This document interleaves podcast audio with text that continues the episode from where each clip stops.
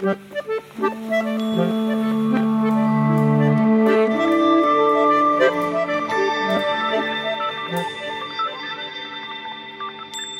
jeg ønske velkommen til podkasten Ytringsklima. Her snakker vi sammen om hvordan folk snakker sammen på jobb. Mm -hmm. Jeg heter Øyvind Kvalnes eh, og er eh, professor her på Handelshøyskolen BI. Gjest i dag er Tale Skjølsvik, som er professor ved Oslo OsloMet. Velkommen i studio, Tale. Tusen takk. Jeg har invitert deg til å snakke om teknologi og ytringsklima, for det syns jeg er spennende, og det vil jeg gjerne lære mer om. Mm. Så jeg har lyst til å starte med et veldig åpent og stort og omfattende spørsmål. Hva gjør egentlig teknologi med ytringsklima i organisasjoner? Det er et kjempestort spørsmål, men vi kan jo prøve å jobbe oss litt gjennom det spørsmålet i løpet av den tiden vi skal være sammen.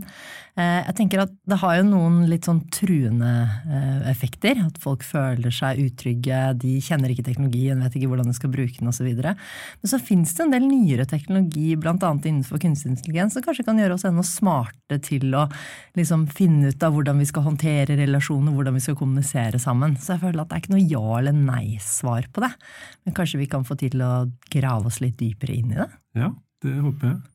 Eh, et sånt, en tematikk som vi har, kommer stadig tilbake til i denne serien, det er hvordan legge til rette for gode diskusjoner. Og i gode, gode diskusjoner der er det jo gjerne uenighet og friksjon underveis. Eh, hvordan tenker du at eh, digitale løsninger, teknologi, kan skape rom for den slags? Så Digitalisering og digitalteknologi er er veldig mye forskjellige, så en ting vi hadde mye erfaring med under pandemien, var jo bruk av digitale møter. Og da tror jeg, da jobbet jeg som prodekan og, og, i en lederstilling Oslo OsloMet, og da tror jeg vi alle opplevde at med en gang det begynte å bli vanskelig, så ble det mye, vans mye vanskeligere. Og da er det sånn at det er lett å ta opp telefonen og virkelig prate med et menneske på andre siden. Så jeg tenker sånn i digitale flater, i møter og sånn, så, så kan det være vanskeligere. Det gjør oss mer effektive, men jeg tror det også gjør oss mye mer sånn funksjonelle, og de tingene som ligger litt sånn utenfor det som er vanlig, og når det begynner å bli tøft osv., eh, det kan kanskje være vanskeligere. Samtidig så har jeg opplevd at, eh, at folk har ytra seg veldig sånn fra hjertet og sjelen ganske fort i digitale møter.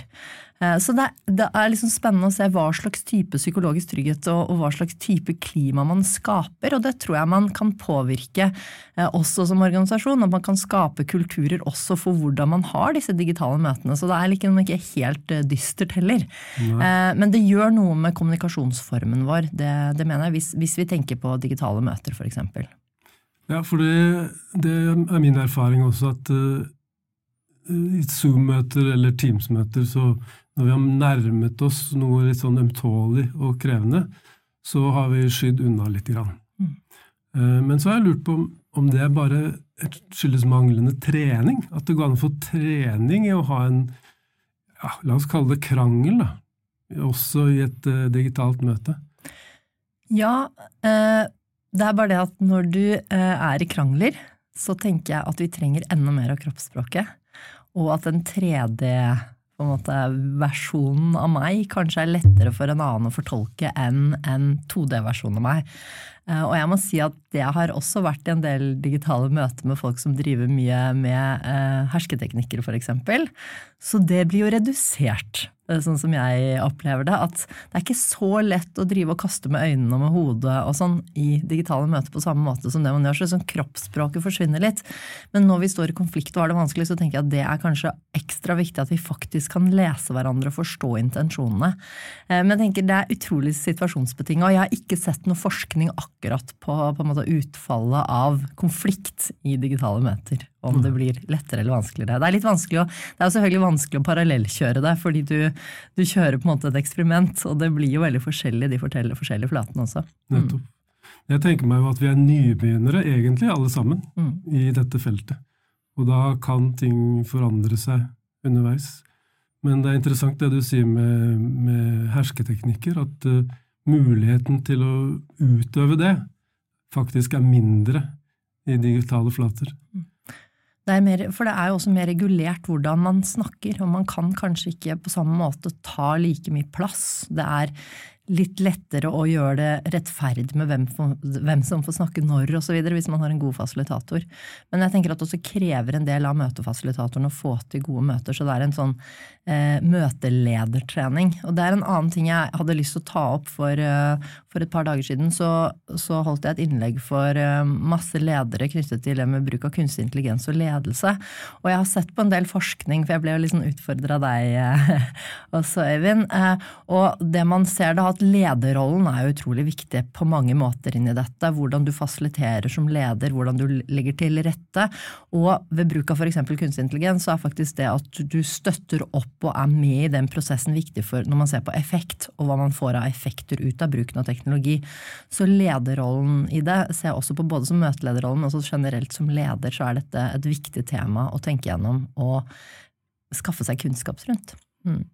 Nettopp. Og tenker du da at lederen bør være i front når det gjelder å ha kunnskap og erfaring og evne til å bruke digitale flater?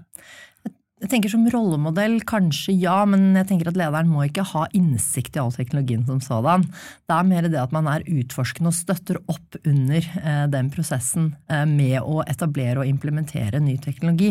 For det er jo seg selv en utfordring på en organisasjon. Eh, og hvis vi kan snakke litt mer om, om psykologisk trygghet, da, så er jo det en utrolig viktig på en måte, bærebjelke, grunnbjelke i å utøve innovasjon og utvikling. Og teknologi, altså implementering og bruk av ny teknologi innebærer jo ofte det for organisasjoner. Så det at lederen har en rolle i det og faktisk aktivt er engasjert, prøver å forstå, tilegner seg kunnskap, eh, trenger ikke å være ekspert, men at man på en måte har en sånn holdning til det, tror jeg, og, og har jeg sett også i forskning, at det er viktig. Nettopp. Eh, jeg har en slags forestilling om at eh, det er vanskeligere å fastholde la oss si, hierarkier på en måte da, i et Zoom-møte. Mm. Og det kan være krevende for en leder som er vant til å være leder. Så hvordan tar du lederskap i et møte hvor, hvor du egentlig møter alle på like fot? da? Ja, jeg tenker, eh, da tror jeg også man tenker hva ledelse er for noe. Jeg hadde eh, En ting jeg driver med for tida, er å skrive en strategibok, og i det så har jeg sett mye på ledergruppen i norske børsnoterte selskaper, og et, en tittel jeg syntes var fascinerende da, var det som de kalte for um, Eh, hva var det eh, Ledertrener Nei, ledertjener var det. Ledertjener, og det handler ikke om hva ledere tjener. Eh, men det handlet på en måte om rollen å være leder som en fasilitator heller enn som en som har kontroll.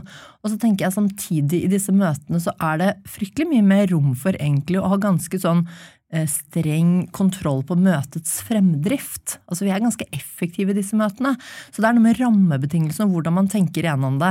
Eh, og det har jeg opplevd med så mange ledere. Jeg har kjørt dette emnet digital transformasjon og ledelse en del runder. Og dette her med det det ofte koker ned til, er på en måte hvordan bruker vi tiden vår? Hva skal vi velge bort? Det har vi sett mye etter pandemien, for vi hadde fryktelig mye nettmøter. Men det handler også om mye trening på hvordan man faktisk Hva er et møte til for? Hvordan gjennomfører vi det, og hva er på en måte det vi skal få ut av møtet. Og der tror jeg kanskje folk har blitt litt mer bevisste. Men i det å være på en måte en leder og en, en møteleder, så tenker jeg at det er mye viktig kompetanse som ligger der for å få til gode beslutninger i organisasjoner. Mm. Men jeg, jeg, har opplevd at uh, i et digitalt møte så er det én som er den formelle lederen, og så kan det fort bli andre som tar uformelt lederskap, fordi de kanskje er mer uh, bekvemme med formen, på en måte. Mm.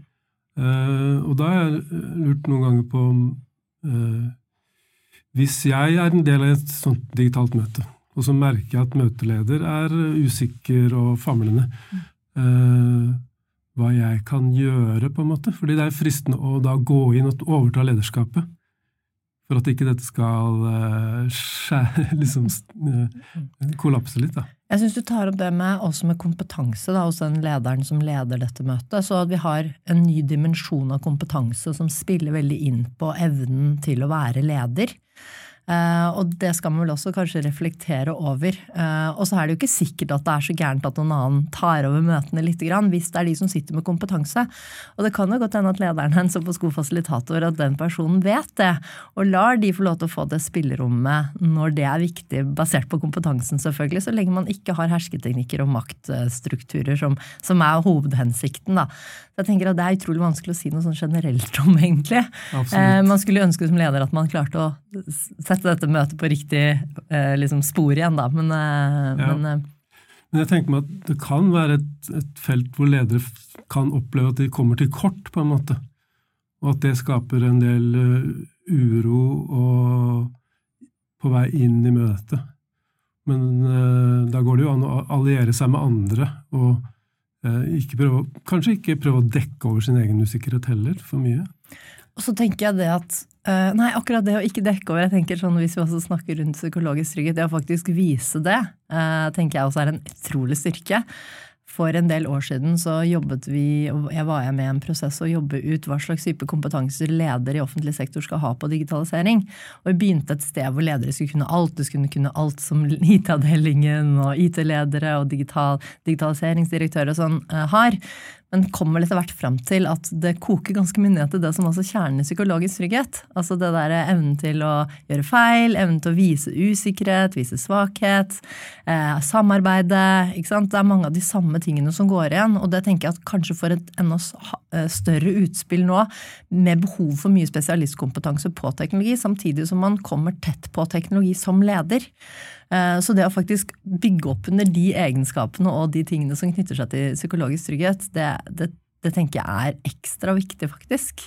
At man ikke skal sitte og være lei seg eller redd for at det er ting man ikke vet og kan. Eh, men at man kommer, kommer i dialog og får de personene som kan det, til å få lov til å eh, snakke om det som de er gode på. Nettopp. Psykologisk trygghet handler jo om det at uh, i denne gruppa så kjenner jeg at her kan jeg være meg selv, og her kan jeg si det jeg mener, og, uh, uten at jeg trenger å frykte uh, for sanksjoner. Uh, og teknologi kan være med i noen sammenhenger bygge opp under psykologisk trygghet, og kanskje i andre sammenhenger svekke den. da. Mm. Fordi du trenger en viss grad av fortrolighet med teknologien for at du skal oppleve, oppleve at her, her kan jeg bare snakke i vei og bare senke skuldrene. Og eh, det som jeg tenkte på, siden jeg snakket om dette her med kunstig intelligens og ledelse med en del leder her om dagen, så satt jeg og tenkte på at psykologisk trygghet er et begrep man gjerne bruker menneske til menneske. Eh, og vi må antageligvis mer og mer forholde oss med menneske til maskin.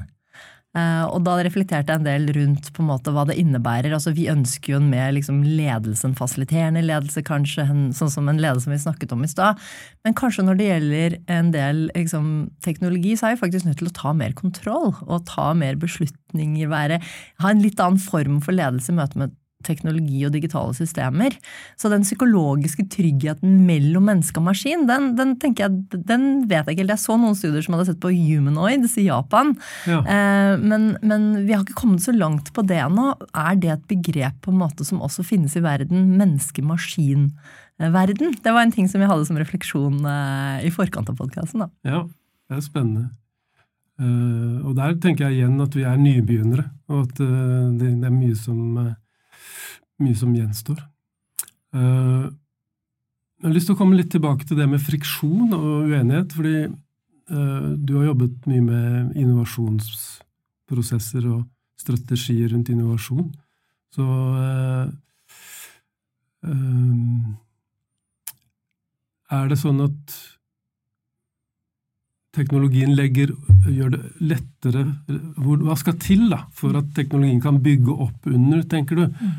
At vi får til ordentlig friksjon, og at vi ikke løper videre med ideer før de er ordentlig gjennomtenkt og har fått brynt seg mot motforestillinger osv.? Så, fordi det er en viktig sånn, Kreativitet og friksjon er en viktig del av innovasjon. Og det var en av tingene som under pandemien kom frem på en måte som en kritikk av digitale møter. At noe av den kreative prosessen forsvant i møtet mellom folk. For vi blir veldig sånn strømlinjeformet i hvordan vi forholder oss. Eh, men så er det andre studier som også har vist liksom, fra teknologiselskaper at det handler også om sånn som du var innom i stad, det handler om hvor trent vi er. På hvordan vi kan jobbe med dette her, hva slags virkemidler vi jobber, og på en måte hvem som er med de prosessene. Så um, så, men, men jeg, jeg, tenker sånn eh, Og så er det jo noe med hva folk føler seg trygge på. Da, for de må, de må, samtidig ha den kompetansen og føle den tryggheten for at vi skal liksom tørre å være i den dialogen. Så jeg tenker at Eh, det er ikke noe sånn enkelt svar på det, men det handler nok en del om den kompetansedimensjonen som du var innom tidligere, at vi faktisk får det til, at vi tør å la det skje. Det som også er litt vanskelig med teknologien, er at man ser jo ikke hvordan folk tar med seg Når møtene er slutt, så stenger vi ned skjermen og forsvinner ut. Og det har vi hatt en del refleksjoner rundt, og, og sammenhengen vi har vært. Liksom, den avslutningen av møtet er veldig forskjellig enn at vi går sammen ut i kaffemaskinen og liksom debrifer litt på veien. Det er liksom som gardinen går ned, og så er det over, og alle går til sitt. Og det kan godt hende at liksom folk sitter igjen med noe litt annen følelse av hvordan dette var etterpå, som også kan være litt viktig for hvordan kulturen og, og dette utvikler seg. Men akkurat det å få til innovasjon er nok mulig. Vi ser mange store teknologiselskaper som jobber veldig virtuelt og distribuert, som får til masse god innovasjon. Altså. Sånn at det er ikke noe det bør ikke være en hindring, men jeg tror vi trenger kompetanse og erfaring med å jobbe på den måten. Da. Noen ganger så har vi jo den luksus at vi kan velge om vi skal ha et digitalt møte, eller om vi skal treffes fysisk. Mm. Mens i andre tilfeller så er folk De andre er så langt vekk at uh, det er det digitale som er løsningen, på en måte. Mm. Uh, og det verste er kanskje når vi velger litt av hvert. Ikke sant? Ja. når det er et møte i møte, og så videre. Ja. Uh, ja. Um, jeg tenkte litt på dette her med Du snakket om dette her med relasjoner og hvordan altså Nå har jo ChatGPT uh, kommet, og det er jo også spørsmål rundt kanskje kreativitet og bruk av det. Og en del folk tenker jo også at man blir faktisk mer kreativ av å få flere forslag. Mm. Så man kan ofte bruke det i kreative tidlige prosesser ved å liksom finne tak i informasjon. Jeg skulle selvfølgelig ha gjort det i forkant av dette møtet her selv, uh, som jeg ikke gjorde. Men det er noe man tenker på det å gjøre det, og det er en kompetanse- og treningssak, en rutinesak. Og det kommer vi til å se mye mer rundt omkring i arbeidslivet nå, at folk faktisk bruker det til å generere en første idé. Og så kunne man tenkt seg ok, kanskje det gjør at de blir mer konforme. Det er litt sånn som jeg har jobba med oppgaver før på BI, og vi drev og diskuterte om vi skulle ha liksom en sånn software som hjalp studenten gjennom en prosess. Da får du mange ganske gode oppgaver, men du får kanskje ikke de helt geniale som er helt annerledes. Så det er noe med konformiteten i disse systemene også som jeg tror vi skal være litt, eh, litt forsiktige med, da. Som også kan hemme kreativiteten litt. Jeg jobber med å få til en ærlig samtale med Master of Science-studenter om hvordan de bruker ChatGPT, og hvordan de kan bruke det. Og foreløpig så Og jeg er åpen for å Jeg er nysgjerrig åpen, men jeg opplever noen ganger at de slår blikket ned og ikke er helt uh, eksplisitte på hvordan de bruker uh, dette verktøyet. Mm. Så har du noe erfaring med det? Hvordan, hvordan, kan vi få til en god samtale med studentene? Et ytringsklima, for å snakke helt ærlig om uh, hvordan vi bruker chatboten? vi har hatt mye diskusjoner om det på Oslo OsloMet. Akkurat nå så er jeg så heldig at jeg har forskningsen min og kommer rett ut av å sitte i en lederrolle. Så jeg har hatt liksom uforholdsmessig lite kontakt med studenter, så det gleder jeg meg veldig til. Til å høre hvordan, hvordan de tenker rundt det. Men jeg har jo vært liksom i dialoger og hører. og og jeg tenker at det er jo det er liksom evnen til å innhente kunnskap raskt. Og så blir det en sånn utrolig viktig ting er å være en kunnskapskurator. Altså en som på en måte kvalitetssikrer og sikrer i hvert fall i denne fasen at en del av kunnskapen er riktig. Altså jeg jobber også med digitalisering av advokattjenester, og en av de tingene vi har sett der, er at det har vært sendt inn liksom søksmål i USA basert på ChatGPT, hvor egentlig ingenting av det som står der er sant. Det er konstruert opp. Det tror jeg man kanskje opplever hvis man har prøvd å søke på seg selv eller skrive om seg selv, så får man at man har gjort ting man aldri har gjort som virker kjempeflott, men det er faktisk ikke sant. Så, så det der å liksom kontrollere, ikke kontrollere, men på en måte trygge at det her er faktisk eh, rett, det som står der, det, det er en oppgave, og det er ikke sikkert. Altså, hvordan kan vi ruste studentene til å faktisk ta på seg den rollen, da? For jeg opplever at unge studenter ofte tenker at det er mange andre som kan mye mer enn dem, eh, og at de lener seg på det, istedenfor å faktisk tørre å liksom Eh, være en sånn som, som, kuraterer og prøver å forstå om dette her faktisk er reelt og riktig. Jeg har nettopp vært sensor for en etikkoppgave hvor jeg ba studentene om å undersøke hvordan organisasjoner kunne bruke kunstig intelligens i rekruttering når de skulle jobbe mot eh, diversity, equity and inclusion. Mm. Og da hadde de en uke på seg til å jobbe med den oppgaven. Og jeg hadde jo diskusjoner her med kollegaer som sa at du kan ikke ha hjemmeeksamen nå lenger, fordi de, de bare setter chatboten til å skrive teksten. Men jeg satt igjen med veldig gode besvarelser. Og jeg, jeg satt igjen med en opplevelse at her hadde de brukt en uke eller noen dager på å gjøre seg til eksperter på et felt, eh, hvor de helt sikkert også har brukt chatboten, men hvor de har satt seg inn i Eh, hva kan kunstig intelligens brukes til i dag når det gjelder rekruttering? Hva er liksom etiske utfordringer med det?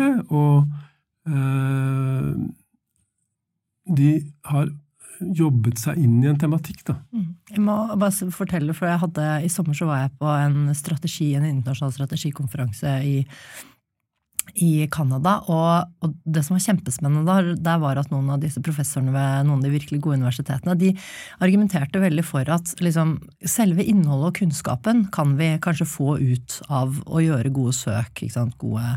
Men det som kan være så interessant, er jo refleksjonene. sånn at de brukte de brukte på en måte at de skulle gjøre for analyser som man har gjort før, som man ganske enkelt kan få gjennom ChatGPT, relativt gode svar på, men som var på en måte oppgaven var egentlig liksom refleksjonen rundt det, hvordan prosessen og læringsprosessen hadde vært for dem. Så de flytta på en måte den læringsprosessen til et høyere nivå, som jeg syntes var så interessant. Så selve innholdet var på en måte ikke like relevant lenger. Det var mer liksom refleksjonen om hvordan de tilegnet seg læring, hvordan de utviklet oppgaven. Så det her var jo ganske avanserte studenter, altså type etter- og videreutdanningsstudenter eller eksekutivstudenter. Men, men samtidig kan det kanskje ligger et potensial der faktisk å få til læring på en helt annen måte enn det vi har tenkt før.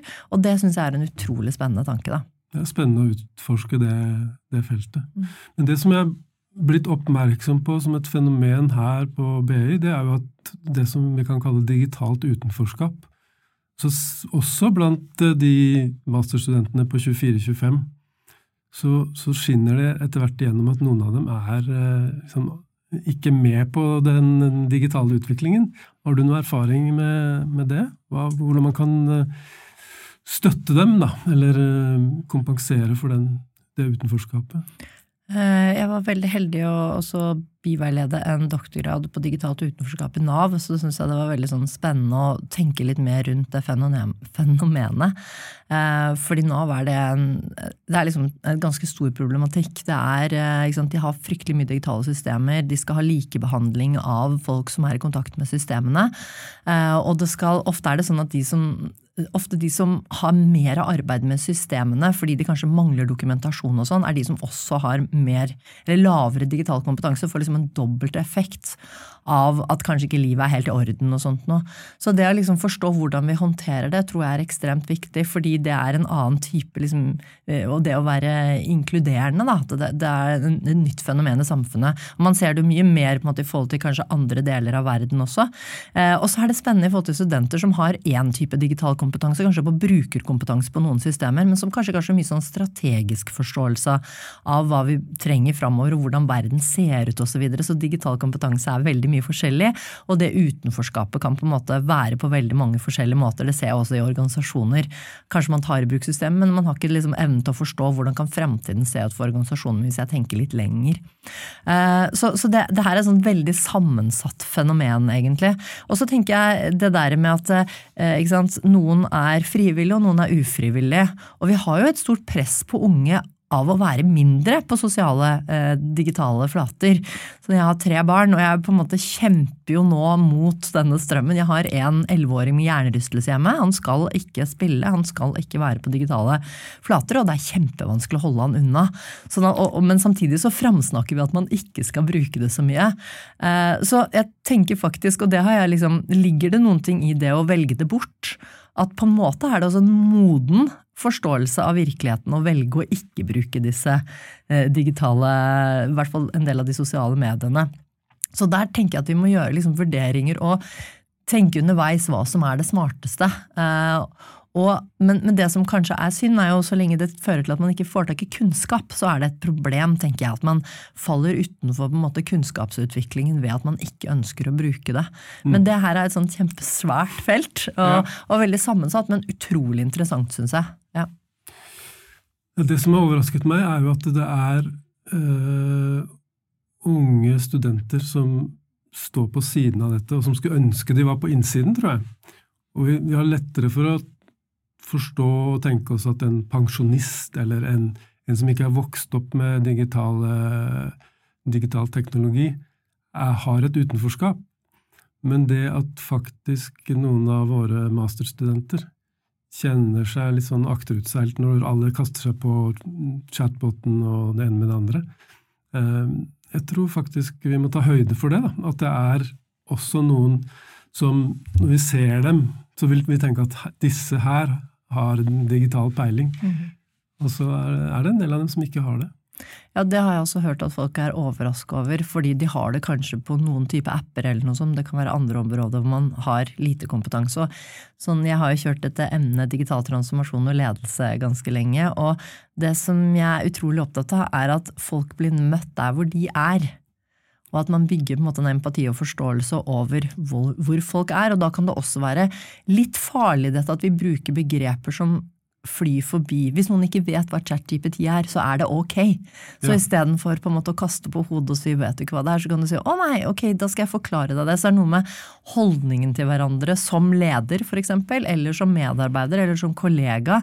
Eh, at man på en måte tillater seg å la folk få være der hvor de er, og begynne der. Det har jeg liksom fremsnakka veldig mye, for det er veldig lett å løpe foran hvis man har kompetanse, og glemme at man også må ha med de som er rundt seg, da.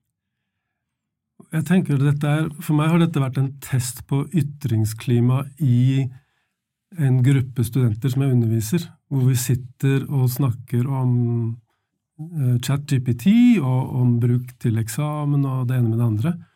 Og så skjønner jeg etterpå at det har sittet noen i rommet som ikke har peiling. Eh, og jeg tenker meg at det krever ganske stort psykologisk trygghet å rekke opp hånda i den gruppa og si at eh, kan noen forklare meg hva dette egentlig er for noe? Og det har ikke jeg opplevd at noen har gjort i, gruppe, i, i plenum, men jeg har opplevd at de kommer bort til meg etterpå og sier at uh, jeg henger ikke med på dette her. Og det, det tror jeg sitter veldig langt inne hos en 24-åring, 25-åring, å blottstille sin uvitenhet på akkurat dette, som alle de andre virker så innarbeidet i, på en måte. Um, ja, det tenker jeg. Det, det, krever kanskje enda mer av den psykologiske tryggheten, egentlig, enn en, for, fordi man også, som de sier, man antar at de vet at, ikke sant. Jeg eh, hadde en eh, Eller jeg var ekstern eh, evaluator på en doktorgrad på NTNU som så på psykologisk trygghet og digitale mindset. Og der er det et ganske stort overlapp, faktisk. Altså det evnen til å måte tenke digitalt. da. Tenke på digitale måter. Det er altså knyttet sånn nært til dette med psykologisk trygghet. Og jeg hadde jo selvfølgelig en diskusjon om det egentlig er forskjellige begreper. Man kunne tenkt seg at det faktisk i noen grad er noe av det samme begrepet som egentlig ligger inne der. For det handler jo om liksom evnen og viljen til å ta den risikoen og si at man ikke kan ting, eller å teste ut nye ting, som på en måte også er kjernen i en del av den litteraturen vi vet om psykologisk trygghet. Så, så, så det, er liksom, det er et overlapp der, og jeg tenker at så det er enda viktigere at vi er trygge på hverandre som mennesker for å, eh, for å på en måte få til dette her, for å kunne samhandle rundt det, og for å forstå hvis folk velger å ikke være del av digitale flater. Nettopp. Jeg syns det er en spennende parallell her til uh, prosesser som ikke handler om teknologi i det hele tatt, men Eh, mennesker sitter rundt et bord og snakker om hvordan vi skal gå videre i denne organisasjonen, og så er det kanskje en forkortelse som er i bruk. Og så sitter det et menneske der og, og har glemt hva den forkortelsen står for. Eh, og eh, noen er modige da og rekker opp hånda. Kan ikke noen minne meg på hva den forkortelsen står for? Mm. Og så kan det hende at uh, når det spørsmålet kommer, så er det flere rundt bordet som slapper litt av og tenker at det var ikke bare jeg som lurte på det. Eh, så det er, eh, det er, noen sånne utfordringer der. Og så tenker jeg at En del av den teknologien det kan vi jo diskutere mye siden jeg er opptatt av profesjoner og ekspertkunnskap. og sånn, Spørsmål om hva man skal kunne framover. ikke sant? Eh, og det diskuterte jeg også litt med disse lederne. Er det faktisk sånn at det viktigste er å stille de gode spørsmålene? Og noen ganger kanskje det er ok å stille de veldig naive spørsmålene, de litt dumme spørsmålene, at vi faktisk får svar som kan gi oss enda bedre forståelse av et fenomen. Så, og det er jo noe av det som bl.a. ChatGPT er god på, er jo å svare ut spørsmål. Den ville ha veldig komplekse spørsmål, lærte jeg i dette seminaret hvor bl.a. Eh, en av teknologidirektørene fra Microsoft var, at den liker faktisk ganske komplekse spørsmål. Men det å faktisk å tørre å stille spørsmål, og at det er ikke sikkert Det spørs liksom, hvis vi ikke må kunne allting framover, kanskje vi ikke husker så mye heller. Så det blir lettere og lettere å stille disse spørsmålene. Så kunne man jo tenkt at man, man har teknologi som faktisk svarer de ut veldig raskt og fort, så det er ikke så innmari farlig å stille dem heller. Så kanskje teknologien kan støtte opp under det å faktisk være naiv, stille dumme, dårlige spørsmål, men at vi også får svar, for ofte finnes det myter i organisasjoner om hvordan ting er. Så vi svarer ting kanskje basert på en eller annen sånn forståelse av hvordan ting er, heller enn liksom at vi har sjekka med flere kilder, f.eks. Så, så det kan hende teknologien kan bidra med noe, da. Det er klart. Det, men det kan hende at vi sitter rundt bordet med hver vår skjerm. da. Mm. Så hvis jeg har glemt hva GPT står for, så, så, sjekker jeg det på skjermen. Og da får ikke noen av de andre vite at uh, Øyvind lurte på, på dette her. Mm, mm. Men uh, vi skal gå inn for landing. Uh, denne halvtimen har rast av gårde, syns jeg, Tale. Eh, veldig spennende. Og dette er jo bare starten, tenker jeg, på en eh, samtale om ytringsklima og teknologi og hvordan liksom, vekselvirkningene der. Jeg har sånn drømmebilde jeg har sånn drømmebilde om at dette er faktisk noe vi kunne vært gode på i Norge. Å skape psykologisk trygghet, ikke bare i organisasjoner, men i samfunnet generelt. Og at det kunne vært noe som kunne støttet opp under vår teknologiutvikling og vært et fortrinn for oss, sånn at vi på en måte er gode på koblingen mellom det trygge klimaet mellom mennesker og faktisk å prøve å feile på teknologi. Så det tenker jeg mer som en sånn nasjonal ønskedrøm, da. At det kunne være noe, for da tenker jeg at vi faktisk er ganske gode. Så en slags nasjonal styrke som mm. vi kan lære oss å, å gjøre oss nytte av. Mm. Ja, Spennende tanke. Mm. Tusen takk til deg, Tale, for at du var med i studio. Veldig gøy.